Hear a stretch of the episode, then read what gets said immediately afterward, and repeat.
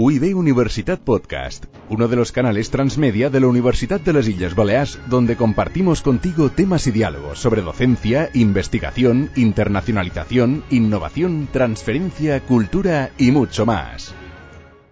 Bienvenidos a este nuevo podcast sobre Derecho a la Competencia. Os saluda Juan Fran Fluchá, profesor de Derecho Mercantil de la Universidad de las Islas Baleares. Para esta conversación, que versará sobre la captura regulatoria y el poder de los lobbies, contamos con Mateo Silos Rivas, que actualmente es Principal Economist en Ofwat, la autoridad de competencia y regulación en el sector del agua en Inglaterra y Gales. Previamente, y sobradamente conocido, Mateo fue subdirector de análisis económico de la Comisión Nacional de los Mercados y la Competencia durante los años 2014 y 2017. Bienvenido, Mateo. Muchas gracias. Muchísimas gracias a vosotros. Un placer estar aquí. Mateo, vamos al tema que es apasionante y empezaríamos con la batería de preguntas. Y la primera sería si cuando se regula la actividad económica es siempre de interés general el objetivo primordial. Bueno, para empezar a pensar sobre la, sobre la regulación, ah, yo creo que hay que empezar a pensar desde un punto de vista normativo, ¿no? Un poco el, deber ser, ¿no? ¿Por qué la intervención pública en un mercado puede, puede estar justificada? Pues los economistas decimos, eh, de forma muy simple, pues porque hay un fallo de mercado que lo justifica. Es decir, eh, si el mercado no nos va a llevar a un buen resultado, si el mercado en esa situación no va a llevar, digamos, al óptimo social, pues existe una posibilidad de que el sector público mejore el resultado en términos de bienestar con una intervención. Esto es el deber ser, muy general, ¿no? Pero en relación con la pregunta que me hacías, eh, tenemos que pensar, ¿qué es lo que ocurre en la, en la realidad? Pues que en muchos casos eh, las regulaciones no se corresponden con la base de lo que yo he enunciado, con la base de por qué hay que regular. En concreto, vemos que muchos sectores eh, están muy regulados sin que exista, digamos, esta justificación desde la óptica del bienestar. Es decir, no encontramos ese fallo de mercado que justificaría que el sector público se mete. Eh, por otro lado, también vemos que los operadores incumbentes han apoyado o presionado para que la regulación exista. Ah, y en muchas ocasiones vemos que los efectos de estas regulaciones son favorables al regulado, al productor, eh, que engorda sus beneficios. Es decir, eh, aunque hay un deber ser y aunque hay unas intervenciones que estarían justificadas en determinadas circunstancias, vemos que muchas regulaciones que hay en la actualidad, en la realidad, no se ajustan, digamos, a este deber ser de por qué hay que regular. Eh, apuntando ya o ahondando en esta, en esta línea, ¿qué entendemos, por lo tanto, por captura regulatoria y cuál es la lógica detrás de este fenómeno? Pues sí, eh, eh, la captura regulatoria es algo que nos, que nos ayuda a explicar eh, por qué hay muchas regulaciones que no se ajustan a ese deber ser. ¿no? El hecho de que estas regulaciones, como decía antes, no se ajusten al deber ser, llevó a pensar por qué hay regulación, no por qué debe haber regulación. Eso más o menos hay un consenso, pero por qué hay regulación. Eh, algo que no se explica desde ese deber ser ya que vemos muchas regulaciones que no se explican por ello, ¿no? Y entonces, eh, muy buenos economistas, grandes economistas del, siglo XX, pues empezaron a intentar a responder eh, a esta pregunta de por qué hay regulación. Y uno de ellos, uno eh, muy bueno, fue George Stigler, que en un artículo seminal en 1971 inauguró la teoría económica de la regulación para explicar por qué hay regulación digamos, una, desde un punto de vista positivo, ¿no? Y Stigler partió de un modelo con dos premisas básicas, ¿no? Eh, el primero es que el recurso básico del Estado es el poder coercitivo. Y por otro lado, que los agentes son racionales y intentan maximizar su utilidad. ¿no? Entonces, el corolario al que, al que llegó Stigler es que la regulación se puede entender como una respuesta a las demandas de grupos de interés, de distintos grupos de interés, que tratan de buscar, de, maximizar su beneficio. Y otro gran economista, eh, Sam Sam Peltzman, también de la Escuela de Chicago, elaboró en los trabajos de Stigler, ¿no? Y se preguntó eh, otra pregunta muy buena, que es ¿qué grupo de interés controlará la regulación? ¿no? Entonces, eh, un poco la, síntesis de los resultados de Peltzman es que serán aquellos que estén mejor organizados, serán los que tengan más que ganar por controlar la regulación de forma individual, ¿no? Y serán los grupos relativamente pequeños con preferencias fuertes en lugar de grupos grandes con preferencias débiles, ¿no? Entonces, eh, un poco Stigler y Peltzman explican por qué en muchas eh, ocasiones la regulación favorece a los productores y no a los consumidores, ¿no? Los consumidores son un grupo pequeño y cada uno de sus miembros tiene mucho que ganar de forma individual con la regulación. Eh, sin embargo, los consumidores son un grupo muy, muy grande y aunque el daño que les ocasiona una regulación mala es muy grande, individualmente es pequeño. Entonces, ¿cuál es el resultado? Que los productores se organizan y consiguen una regulación favorable. En muchas ocasiones esto es lo que ocurre. Es decir, los productores capturan al sector público y el sector público, en vez de hacer una regulación que es favorable al interés general y que aumenta el bienestar social, hacen una regulación que satisface las demandas de estos operadores, que satisface el interés privado de estos, eh, de estos, eh, de estos productores. Ah, y esto es a lo que eh, podemos llamar captura regulatoria que contribuye a explicar muchas de las regulaciones que vemos en la realidad. Has apuntado algo. Eh, en esa eh, regulación influenciada, ¿cuáles son los costes de esta captura regulatoria y por qué afecta negativamente al bienestar general o a nuestro bienestar? ¿Podríamos concretar un poquito más ese, ese enunciado? Sí, sí, luego, luego mm, lo, lo, lo, con, lo, con, lo, con, lo, concretaré un poco más. Los costes de la captura regulatoria son muy numerosos y, muy grandes. Eh, en primer lugar, vemos que las regulaciones que son fruto de esa captura regulatoria, que son fruto de estos operadores capturando a los poderes públicos para que hagan normativas alineadas con sus intereses, en primer lugar suelen proteger estos intereses, entonces suelen restringir la competencia. Cuando tenemos menos competencia, tenemos menos bienestar.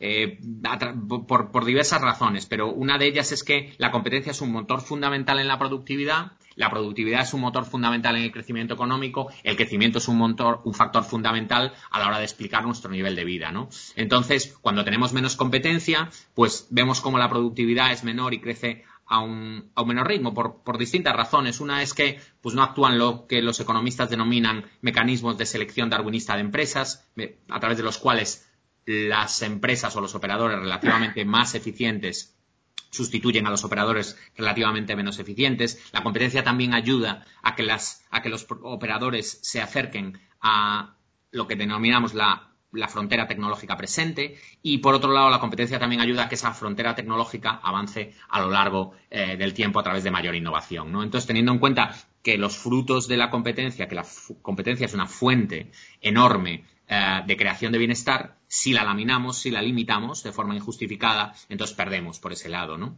Por otro lado, eh, la captura regulatoria y la actividad del lobby, del lobby anticompetitivo eh, implica también que hay muchos recursos malgastados ¿no? en estas actividades de, de lobby, incluso pues reuniones o acciones que llevan a cabo los lobbies que malgastan recursos sociales para limitar la competencia cuando esos recursos son susceptibles eh, de usos alternativos más valiosos para, la sociedad. ¿no? Y por otro lado también la captura regulatoria ah, en la medida en que se traducen restricciones injustificadas a la competencia, se traducen privilegios injustificados eh, a la competencia a través de la normativa. Y eso eh, genera una, mayor desigualdad que se añade a la mayor desigualdad que el poder de mercado en sí mismo genera. ¿no?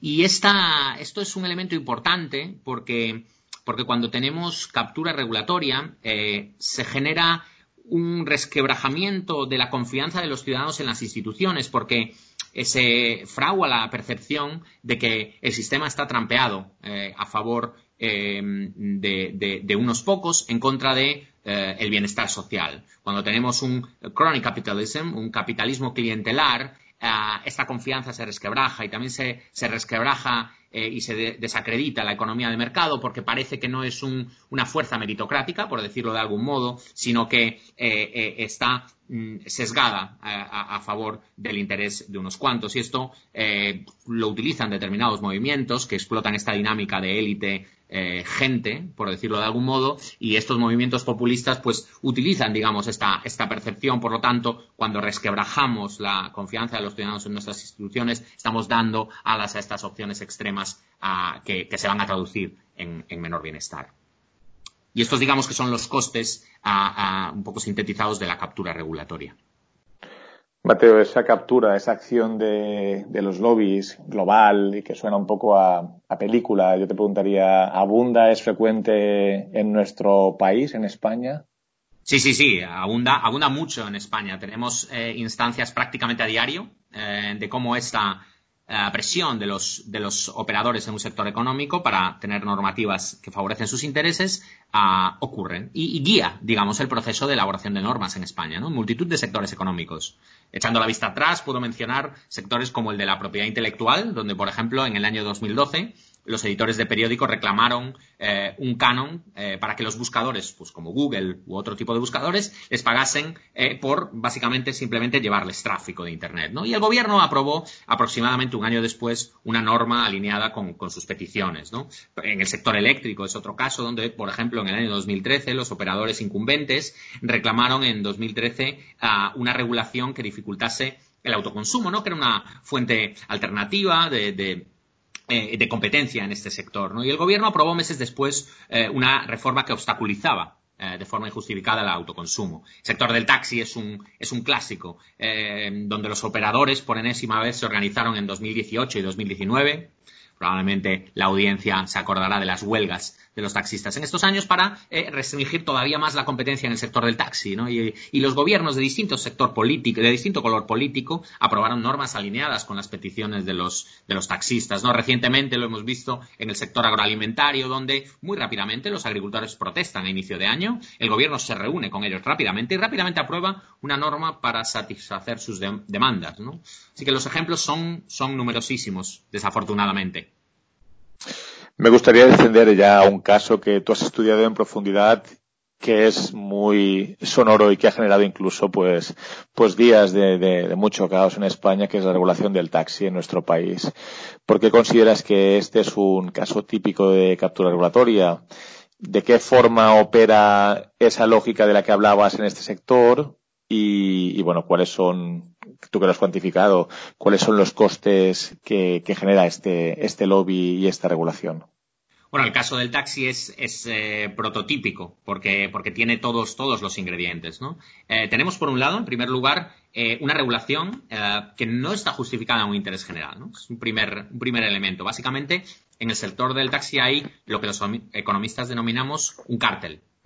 Que goza de amparo legal, es cierto, no es como otros cárteles que no gozan de amparo legal, pero este goza eh, de amparo legal. Eh, básicamente la, la, entrada está prohibida por la existencia de férreos límites cuantitativos que determinan cuántos taxis puede haber, no hay libertad de entrada. Eh, la normativa prohíbe que se pueda competir en precio, ¿no? Y, vemos como, los, como la propia normativa facilita que las asociaciones de operadores incumbentes, las asociaciones de taxistas, se coordinen eh, mediante asociaciones para, para, de forma exitosa, afectar a cómo se configuran estas variables y otras en la regulación. ¿no? Por eso tenemos, tenemos un cártel en, en, sentido económico.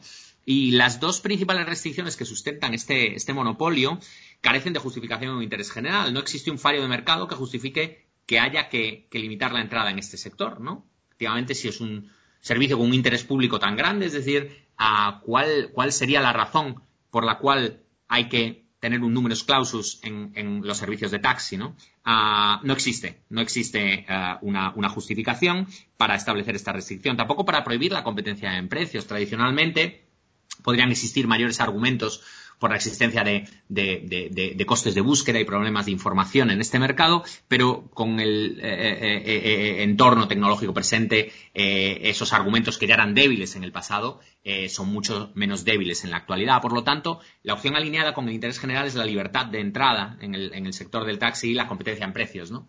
Pero la normativa precisamente la, la prohíbe en contra, de, en contra de ese interés general, ¿no? Por otro lado, esta regulación ocasiona un daño a los consumidores. ¿no? Es otro ingrediente de esta regulación es fruto de la captura. Durante mi tiempo en la CNMC cuantifiqué el coste que este monopolio en distintas ciudades de España, en distintas áreas metropolitanas y en el conjunto de la economía española eh, generaba. ¿no? Uh, por ejemplo, en, en en, en, en, en, la ciudad de, de, Palma de Mallorca, genera un daño anual de, de 11 millones de euros, ¿no? Pero a nivel nacional vemos cómo eh, el, el, este monopolio reduce el bienestar de los consumidores en 324 millones de euros al año. Esta regulación, este monopolio. Genera unos precios que son como mínimo un 13% superiores a los que observaríamos si estas restricciones que yo he mencionado eh, no existiesen, ¿no? Esto es un gran, es un gran coste para los consumidores el que genera esta, esta regulación. Y estas estimaciones son, son, conservadoras, dado que no incorporan el coste por ineficiencia productiva y dinámica o el coste en términos de tiempo perdido eh, por los consumidores, porque cuando hay menos taxis, pues tenemos que, esperar, que esperar más, ¿no? Eh, por un taxi, eso también es un tiempo perdido, es un coste para los consumidores. Y eh, en tercer y último lugar, son promovidas por los operadores incumbentes estas regulaciones. si algo han hecho los taxistas en los últimos años es luchar con, con uñas y dientes para mantener y apuntalar este monopolio, en un momento en el que la innovación tecnológica lo ha puesto todavía más en cuestión. Eh, se han organizado de forma exitosa eh, para que las administraciones públicas mantuviesen este monopolio. Y las administraciones públicas lo han mantenido en contra del interés general, han cedido a los intereses privados de los operadores incumbentes y han legislado a favor de estos intereses privados a, través de sendos reales decretos ley. Entonces, una cuestión que me preguntabas es de qué forma opera esa lógica mm, de la que antes hablaba, ¿no? Pues los datos que he comentado permiten ilustrar esa lógica de beneficios concentrados y costes dispersos que comentaba antes, ¿no? Que venía del bueno de, Peltzman. Ah, si tenemos en cuenta que las licencias, el número de licencias de taxi en España, esos 324 millones de euros al año se convierten más o menos en una transferencia de los consumidores de taxi a los propietarios de licencia de taxi de unos 4.297 euros al año. Eso es lo que los consumidores transfieren a cada licencia de taxi en España al año. Es la estimación. Sin embargo, el daño individual por ciudadano, ¿no? básicamente dividir esos 324 millones de euros entre los ciudadanos en España, no tengo el dato de usuarios de taxi, por eso utilizo el de ciudadanos, asciende a 6,5 euros. Por tanto, tenemos esos 4.297 euros al año en contraposición a los 6,5 euros. Por lo tanto, a pesar de que el daño es muy grande para la sociedad, eh, está muy disperso en comparación a cómo esos beneficios que los operadores incumbentes obtienen de este monopolio eh, se concentran, ¿no?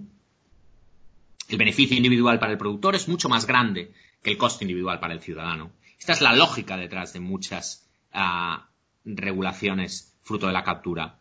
Los productores son un grupo relativamente pequeño en comparación con los ciudadanos, ¿no? ¿Cuál es el resultado? Pues el que nos decían los buenos de Stigler y Peltzman los productores, en este caso los taxistas, se organizan y consiguen una regulación favorable y consiguen mantenerla. Es esa lógica de los beneficios concentrados costes dispersos la que explica en este caso esta regulación, su mantenimiento y también otras regulaciones fruto de la captura. Eh, a lo que has planteado y que resulta curioso y, complicado de, entender ¿no? en términos económicos y también en términos de bienestar. Eh, si la captura regulatoria está en este, en este estado, situación y abunda, eh, qué se podría hacer y además tiene esos efectos pues, perniciosos, qué se podría hacer para reducir su prevalencia y esos efectos. Pues sí, eh, abunda mucho, abunda y es difícil luchar contra la captura, es muy, es muy, es muy difícil. Entonces yo, apunto como cuatro factores que yo creo que son que podrían ayudar a mitigar la captura y sus efectos. Por un lado, que haya más transparencia en el proceso de elaboración de, normas y regulaciones, ¿no? Transparencia sobre cómo se toman las decisiones, sobre quién participa y de qué forma. Que haya más luz y taquígrafos, ¿no? Porque algo que favorece la captura regulatoria es la opacidad y la responsabilidad dispersa. Cuando hay más transparencia y se sabe quién hace qué, quién va a qué reunión, qué, qué reuniones hay y demás, es más fácil trazar quién es el responsable de esa captura y es más fácil que esa persona rinda cuentas. Ah, también que haya más transparencia sobre la participación en la elaboración de normas, es decir, que no se elaboren, digamos, ah, pues solo con unos agentes del sector, es decir, que, todas las partes afectadas pues puedan, digamos, contestar esas normas. Ah, la, ley de transparencia que hay en eh, España es bastante defectuosa en este sentido y habría que mejorarla, ¿no? Es una ley un poco que, hay, que, hay que reclamar, eh, eh, ya sea pues las actas o los datos o la información que quieres, y la probabilidad de que te la denieguen es muy alta y la probabilidad de que una administración sea sancionada por no cumplir con la ley es cero, porque no ha habido sanciones hasta el momento. La probabilidad que a lo mejor el Consejo de Transparencia te eche una mano es no es cero, pero es muy pequeña. Entonces digamos que todavía eh, queda mucho por, favorecer la transparencia en, España con una ley de transparencia que sea básicamente por defecto, que, básicamente la información esté ahí para los ciudadanos, no que los ciudadanos tengan que litigar para conseguir la información y que la administración utilice todo tipo de excusas y vericuetos y, argumentos para, no darle esa información a, los ciudadanos. También facilitar que haya más rendición de cuentas, ¿no? Mm, si los organismos responsables de elaborar normas son más fiscalizados, tanto por otras instancias en la administración pública o por la propia sociedad, pues entonces tendremos más facilidad de que las normas se alineen con el interés general. y vemos que la rendición de cuentas en España también es, también es muy mejorable, ¿no? Por ejemplo, pues yo trabajé muchos años en la autoridad de competencia en España y, la rendición de cuentas básicamente de la, de la, de la CNMC era, era, era, cero, eh, por decirlo de algún modo. O sea, la rendición de cuentas no es publicar un informe anual con los expedientes que has tenido, ir al Parlamento y que te den un aplauso. Eh, es estar verdaderamente fiscalizado por otras instancias en la administración y por la sociedad y eso no ocurre en parte pues porque no hay transparencia y en parte porque el sistema de pesos y contrapesos dentro de la administración ah, pues es bastante bastante mejorable también también debería haber más canales para que los consumidores actúen, ¿no? Eh, porque claro, eh, hay un sesgo hacia, hacia, hacia, hacia los operadores en el sector en muchas de estas regulaciones. Entonces, si tuviésemos más canales para que los consumidores actuasen en el proceso de elaboración de normas y en informes, pues, pues podríamos, digamos, reducir la posibilidad de que haya esta, de que haya o mitigar eh, la, prevalencia de la, de la captura regulatoria, ¿no? Por ejemplo, en España, pues tenemos asociaciones de consumidores que no funcionan del todo bien por distintos motivos. Muchas veces algunas de ellas, como Facua, pues acaban eh, protegiendo más a operadores que están privilegiados por una normativa mala para la sociedad que, defendiendo a los consumidores que están siendo eh, afectados negativamente por esa normativa, ¿no? También vemos que, eh, y esto me lleva al último punto, que la autoridad de competencia en España, su configuración actual, su funcionamiento, por distintos motivos, pues es muy mejorable, no es una autoridad verdaderamente independiente, no es una autoridad verdaderamente eficaz. Y la autoridad de competencia es también la que puede eh, eh, eh, representar a, los consumidores ¿no? en el proceso de elaboración de normas. Entonces, si la autoridad de competencia falla, como es el caso en España, ah, pues entonces los consumidores no estarán tan protegidos. En, en, los procesos de elaboración de normas y no se corregirá esa simetría, ese sesgo favorable a los productores que se organizan mejor, que tienen más contactos en la administración y que al final consiguen eh, ganar la partida. ¿no? Y en último punto, ligado a este último punto, que haya más contestabilidad institucional, que tengamos organismos verdaderamente independientes en España, que puedan fiscalizar a las administraciones que, elaboran normas, ¿no? Si tenemos unos organismos verdaderamente independientes, por ejemplo, si tenemos una autoridad de competencia verdaderamente independiente, pues entonces las administraciones públicas, eh, por lo menos estarán eh, sometidas a esa fiscalización eh, de la autoridad de competencia en la aprobación de normas que eh, son malas para la sociedad, que, no están justificadas en un interés general, ¿no? Por supuesto, también mejorar los mecanismos que pueden utilizar estas autoridades para, para poder contestar normas y para poder, digamos, fiscalizar eh, la actividad reguladora del sector público, ¿no? Yo creo que también es importante. Mateo, hemos planteado cuestiones muy interesantes y variadas como pueden ser la, creación normativa, la aplicación del derecho, la intervención del sector público, daños y perjuicios eh, a nivel colectivo. Me gustaría terminar con una pregunta que, es propia de, todas estas entrevistas y es a modo de cierre y de manera breve. ¿Qué lectura o caso o noticias nos recomendarías para poder profundizar o continuar en este apasionante tema? Pues sí, pues voy a, voy a recomendar em, algunas, algunas lecturas en, distintos grupos, ¿no? Por un lado, algunos artículos clásicos en teoría de la, de la regulación de los economistas extraordinarios que, he citado, como Stigler y Peltzman. El artículo de Stigler en este, este tema fundamental es The Theory of Economic Regulation, que es del año 1971. Está disponible en Internet. publicado en el uh, Ah, espera un momento que lo tengo por aquí. En The Bell Journal of, uh, Economics del año 1971. también el artículo de, de Peltman publicado en el 76 uh, Towards a More General Theory of Regulation. Está publicado en el Journal of Law and Economics. también es interesante y un libro bueno de, dos economistas también muy buenos contemporáneos de Alberto Alesina y de Francesco Giavazzi que se llama El futuro de Europa, reforma o, declive. Bueno, tengo la edición en inglés, pero creo está, está, no sé si está traducido al español, yo creo que sí. Pero un poco también, pues analiza en distintos capítulos estos temas que yo, que yo he analizado, ¿no? Como, la captura regulatoria no es solo un problema en España, en España abunda mucho, pero existe en otros países, por supuesto.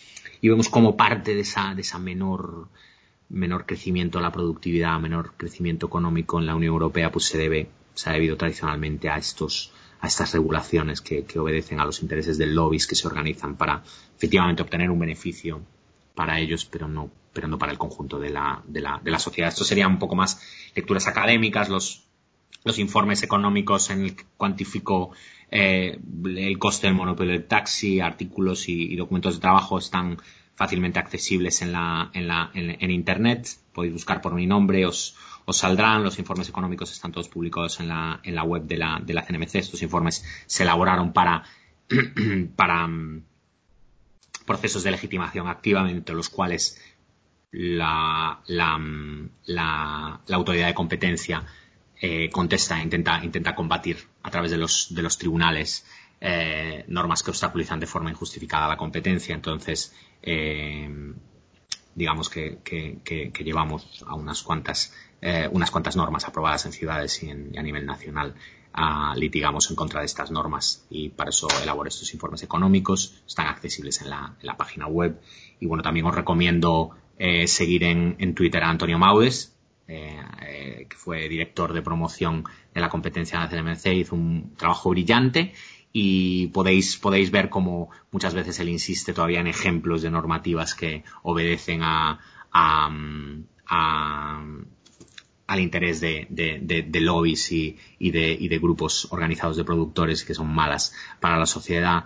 Ah, también la cuenta de Twitter de Juan Luis Jiménez, ah, en la que pues, también muchas veces habla de ejemplos de captura regulatoria y también la mía, si queréis, ah, también la de Twitter es fácilmente localizable también y Juan Luis Jiménez es, profesor en, la Universidad de Las Palmas de Gran Canaria y, analiza, digamos, estas, comenta en Twitter muchas veces eh, estas cuestiones.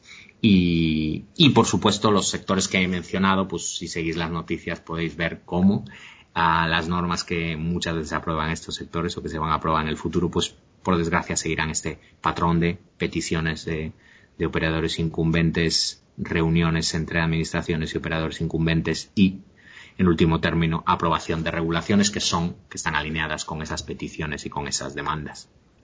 Y también quería aprovechar para, para, darte las gracias, eh, Juan, por esta, o ha sido un placer para mí participar en este podcast y poder hablar de, de estos temas. Mateo, muchas gracias. Es un tema que conoces y nadie más experto que tú para comentarlo. Yo deseo que después de esta etapa en el extranjero vuelvas pronto al sector público español y podamos mejorar eh, esa normativa y esa aplicación de la normativa en España que, que falta hace. Mateo, muchas gracias por tu, por tu tiempo, por tu conocimiento de la materia y esperamos verte pronto también. Muchísimas gracias a ti, Juan. Un placer. Muy bien, aquí terminamos este podcast y os emplazo a una nueva sesión de Derecho a la Competencia a través de estos podcasts que os ofrecemos. Muchas gracias.